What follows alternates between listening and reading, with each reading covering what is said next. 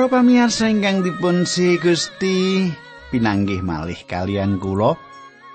Pendeta Pujiyanto wonten ing salebetipun adicara margi utami. Pripun kabar panjenengan? Saya-saya toh? Wah, kalau wingi menika kula rada bingung kadang kula. Ki napa kula dipun telepon saking sederek warga jemaat. Pak Puji kula mboten saged sowan. Lho ki napa? kula ngaten nggih. Inggih Pak, lari kula mlebet dia sakit. Wah, lawalipun sampun janji kalian kula.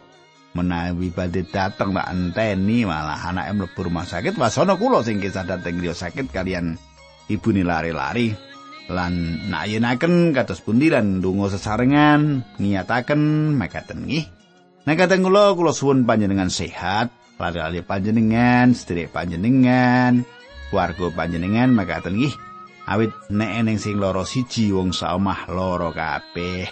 Gitu sugeng midhangetaken adicara menika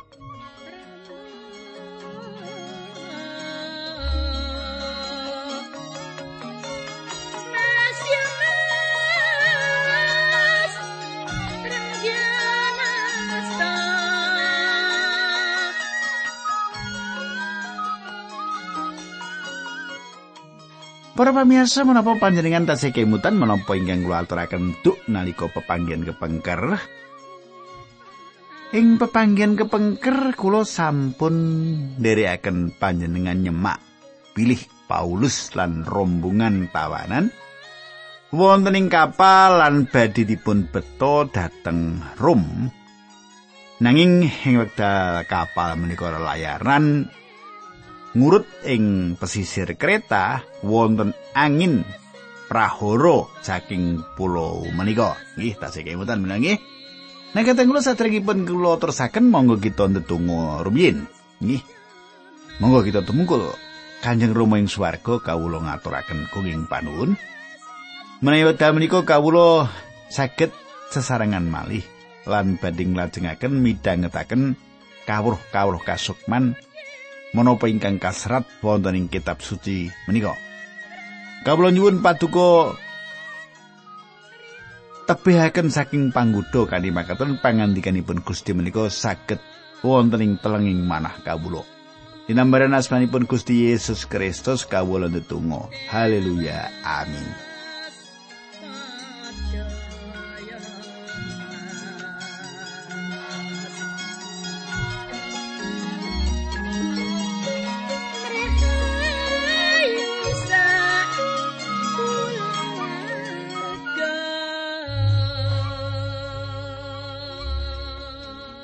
Para pamirsa samenika pasinon kita sampun ngancik kitab Para Rasul 17 ayat 15 nganti 18 nggih. Para Rasul 17 ayat 15 nganti 18. Makaten surasipun nggih nempuh prau mau sarene angin mau ora kena ditanggulangi kapal mau nuli diumbar wae kentir. Aku lagi padha kaaling-alingan bareng tekaning sakidule pulo cilik sing aran Pulo Kauda. Kanding rekoso aku padha bisa nyelametake sekoci kapal. Sekoci mau diunggahake ana ing kapal nuli ditaleni, kapal kuwi dhewe nuli yo dirut mubeng. Sarene padha wedi yen kapal mau bakal kandas ana ing pasir. Ing peranganing pesisir sacedhake Libya sing banyune cethek mulane layare kapal nuli digulung lan kapal mau diumbar katempuh ing angin. Angine saya suwe saya banter mulane isuke romotan kapal mau dibuangi ana ing segara. Para pamirsa. Kita nyemak ing mriki bilih rombongan menika wonten ing segara tengah. Wonten ing laut tengah, kintir dateng arah kilen saking kepulauan Kreta. Ketinggalipun kapalipun badhe karem ing satunggal pulau alit naminipun Kauda, satunggal pulau ingkang saestu alit sisih kidul pulau Kreta. Rombongan menika kedah ngejaraken angin ngintiraken kapal menika. Rombongan menika mbucal sedaya barang-barang kapal dateng seganten kangge ngentengaken kapal menika. Ayat 19 lan esuke meneh pirantine kapal uga wiwit dibuangi mung nganggo tangan wae. Kadang kula rombongan menika mbucal sedaya pirantinipun kapal ingkang awrak. Bucali ayat 30 embuh pira lawase? Aku padha ora weruh srengenge apa meneh lintang-lintang. Angine wis malih dadi prahara sing gegirisi wusana aku wis padha ora duwe pengarep-arep yen isih bakal padha slamet. Para pamirsa Lukas sanjang pilih prahara sing gegirisi Prahara sing gegirisi terus ngancam rombongan menika. Kita sampun nyemak kados pundi Dokter Lukas ngginakaken tembung kados makaten. Pilih menapa ingkang dipun pratelaken menika saestu itu satunggalipun prahara ingkang ngidapi-dapi. Sayatosipun rombongan menika gadah pikiran bilih rombongan menika mboten bakal uwal saking prahara menika wonten ing kahanan gesang. Prahara menika sampun dipun paringi pirsa Gusti lumantar Paulus. Sesampunipun kawan belas dinten katempo ing ombak lan prahara para awak kapal rumaos pilih rombongan menika mboten bakal wilujeng. Para awak kapal menika sampun nglokro nanging Gusti sampun ngetingal dumateng Paulus lan yakinaken bilih piyambakipun badhe kisah dateng Rom. Kanthi keyakinan menika Paulus saged kiat lan tatak tinimbang kalian tiang sanes. Ayat selikur ngantos 6 likur.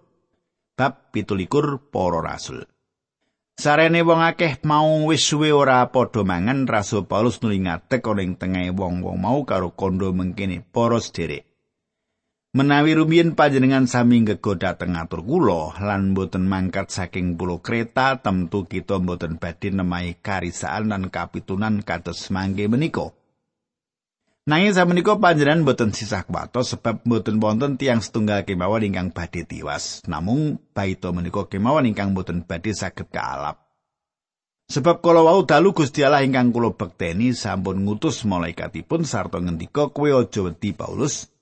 Sebab kowe bakal ngadeg ana ing ngarepe Kaisar Rom lan merga kowe Gusti Allah sakjroning kemirahane bakal paring slamet marang kabeh wong sing bebarengan karo kowe ana ing prau kuwi. Awit saking mekaten para sederek, kula aturi sami taking manah sebab kula pitados bilih sedaya perkawis menika badhe kelampahan kados ingkang sampun kapangandikaken dening Gusti Allah. Kita mangke badhe kandas wonten ing salah satunggaling pulo. Para pamirsa. Panjenengan mangertos bilih menika satunggalipun tembung ingkang kangge ngagengaken manah sedaya tiyang ingkang wonten ing kapal ing wekdal semanten. Sejatosipun inggih menika satunggal-tunggalipun perkawis ingkang kedahipun dados cepengan. Panjenengan gatosaken pasaksinipun Paulus ingkang saestu ngidapi-dapi Gusti Allah kang aku sembah minangka kagungani. Keyakinan Paulus wonten ing salebetipun Gusti Allah sebab kuwi tetep semangat sedulur-dulur. Awet aku percaya marang Allah yen kabeh mesti dumati padha karo apa kang dingendikake marang aku. Dipun pratilaken marang Paulus bilih rombongan menika badhe mandap. Ing satunggal pulo, kita badhe sinau salajengipun bilih pulo menika naminipun Melita, sisih kidul pulo Sisilia. Dados rombongan menika sampun lelayaran nyimpang tebih nyabrang segara tengah saking pulau Kreta. Melita inggih menika pulo ingkang kita sebat mata ing jaman samenika. Ayat pitulukur bengi sing kaping 14 nalika kita lagi kentir ana ing segara Adria, kira-kira tengah wengi para punggawane kapal padha ngira yen wis cedhak karo daratan. Katang kula Adria inggih menika seganten Adriatik. Seganten Adriatik mapanipun antawisipun Itali lan Makedonia utawi Yunani. Cetha rombongan menika sampun kasrat prahoro. Ngantos dumugi seganten Adriatik nglangkungi antawisipun Kreta lan Sisilia. Rombongan menika wonten ing seganten ingkang dinarbuka ing dalu kaping sekawan welas ing tengah dalu tambah cetha bilih rombongan menika nyaketi daratan. Ayat 12 lan 19 banjur padha ngukur jerone banyu nganggo piranti penjajakan. Ketitik jerone banyu ing kono 36 setengah meter ora suwe wong-wong mau padha nguncalake watu penjajakan mau lan ketite yen jerone saiki pitulikur setengah meter. Wong-wong mau padha kuwatir yen praune bakal nabrak watu, mulane banjur padha ngudunake jangkar papat saka peranganing kapal-kapal sing mburi lan ngarep arep supaya keendang padang. Para pamirsa sasampunipun ngandhapaken piranti kangge njajaki rombongan menika kasunyatanipun sawek tumuju dhateng daratan.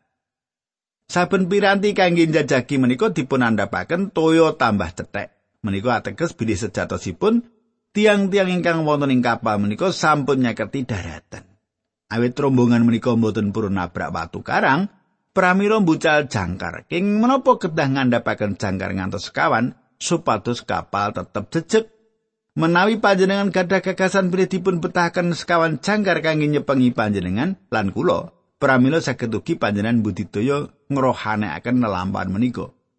Menawi menika ingkang dumados manut kula angel sanget kangenipun kita cepengan pangandikanipun Gusti Allah. Ampun ngantos kita kajebak kangge ngrohanekaken perkawis ingkang gampil lan sanget nyata.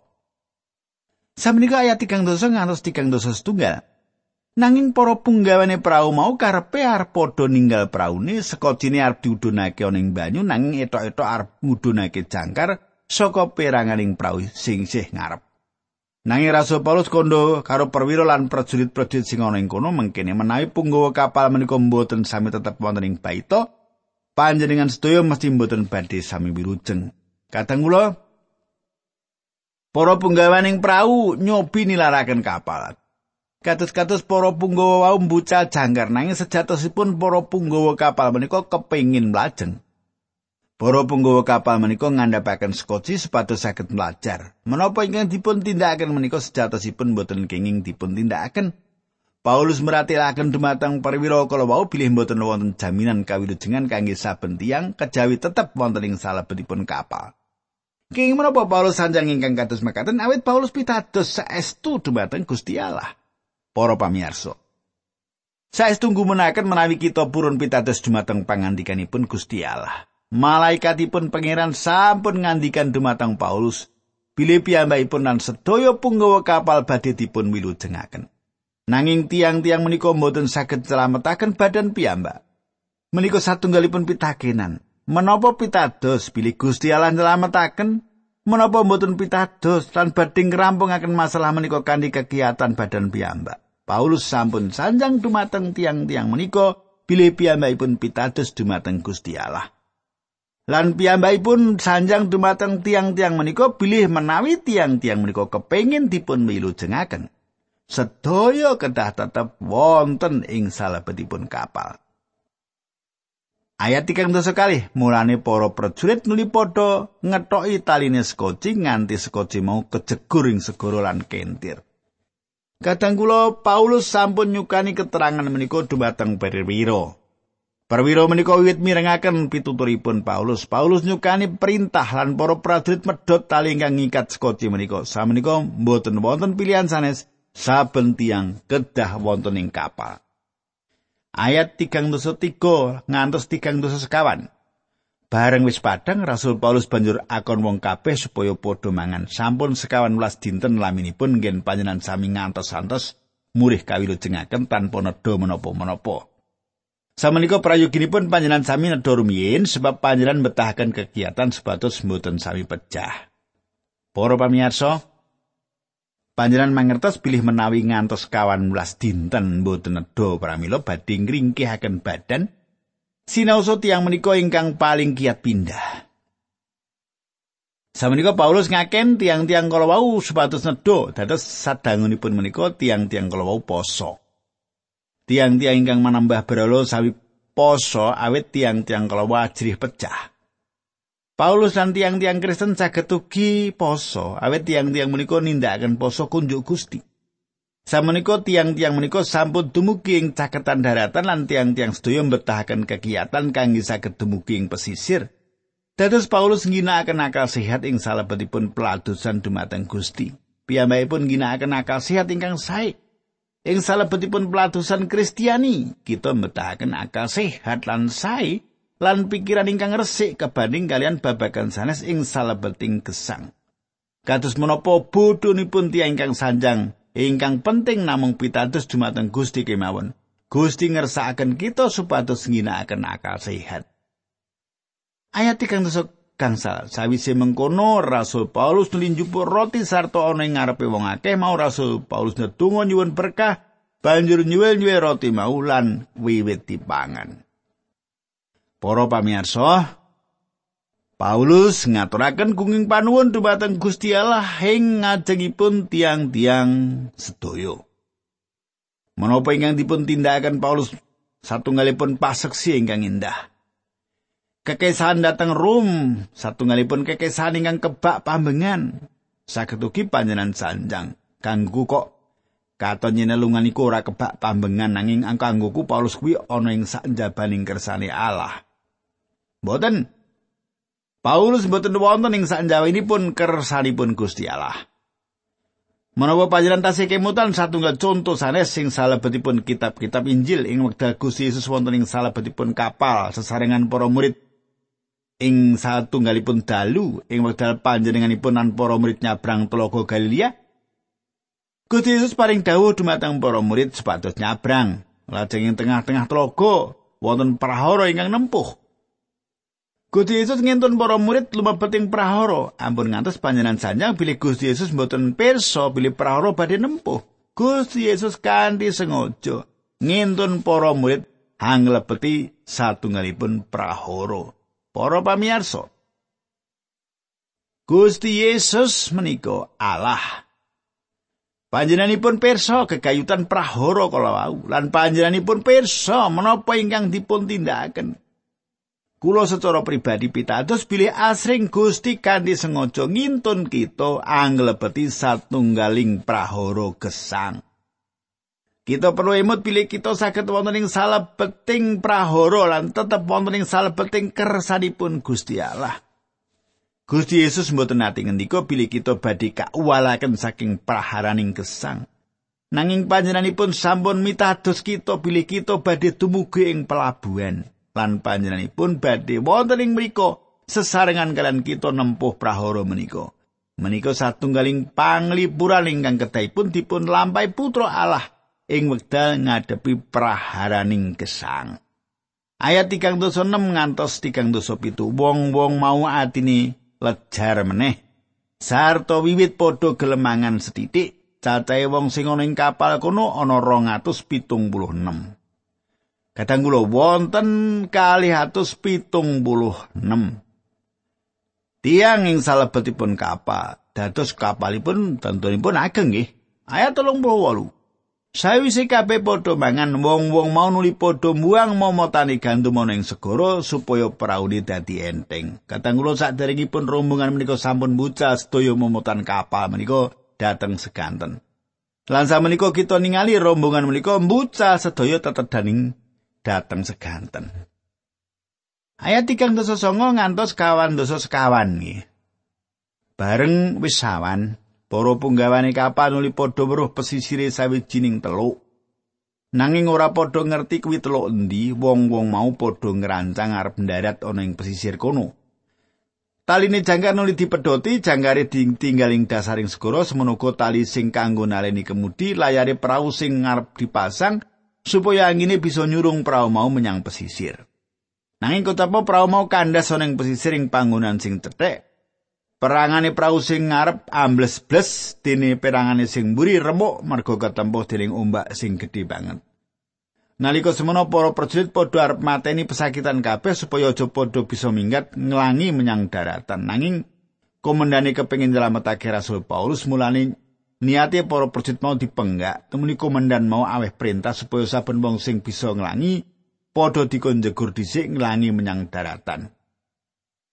Dene wong-wong liyane kudu nusul ngintir cekelan blabak-blabak utawa pecahan-pecahan kapal mengono dadine wong kabeh mau padha bisa tekan daratan kanthi slamet.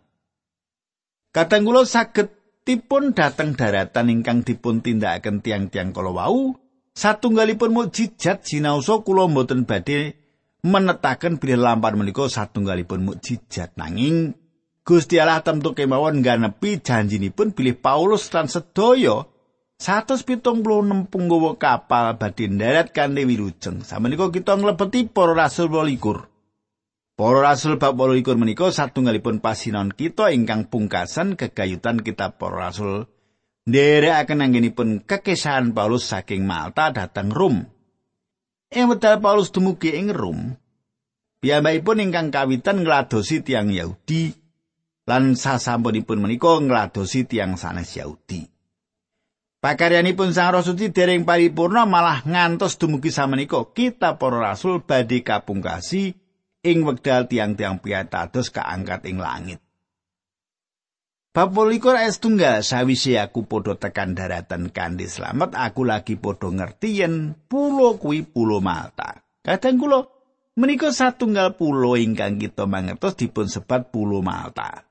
Pesisir ingkang kangge darat menika dipun tepang minangka pesisir Santo Paulus. Papan menika satunggalipun papan ingkang yang semaken kanggenipun tiang-tiang ingkang gesang ing jaman perang donya kalih ing wekdal pulo menika dados pawarta utami ing jaman wiwitanipun perang. Papan menika kathah piyambakipun kenging bom ing perang menika awit mapanipun saestu gampil kenging bom. Ing jaman semanten Jenderal Darby dados jenderal lan gubernur pulau menika. Piyambakipun menika tiang Kristen lan dados tiang ingkang nglajengaken idam-idamanipun Rasul Paulus.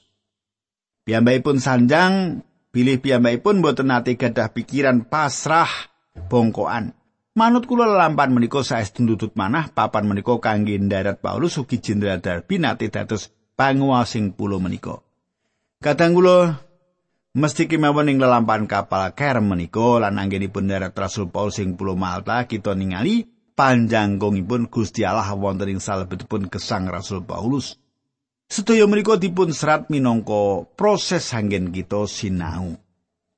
Kadang kula gesang menika panji warni-warni.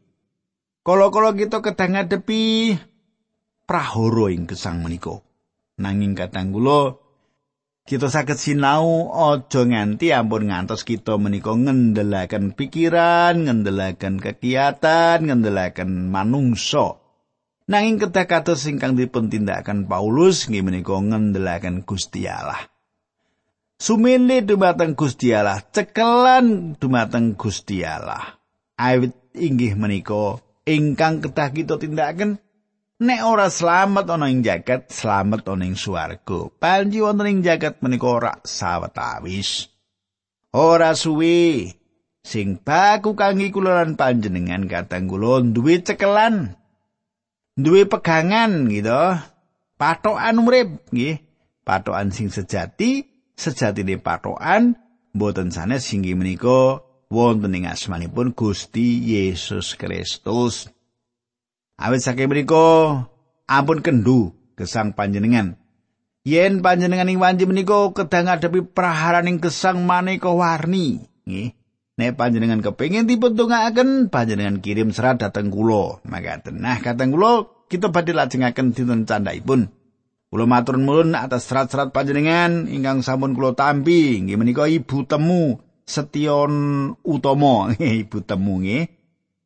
Mbak Esther Setianingsih nggih. Pak Manto nggih sugeng midhangetaken nggih. Lan kawula badhe ndedonga. Dukanyo Rama ing swarga kawula ngaturaken gunging panuwun menawi dal menika kawula saged sesarengan midhangetaken sabda pangandikan Paduka. Kawula nyuwun Gusti berkahi adicara menika lan kathah sederek ingkang dipun berkahi linambaran asmanipun Gusti Yesus Kristus kawula tutunggu haleluya. Amin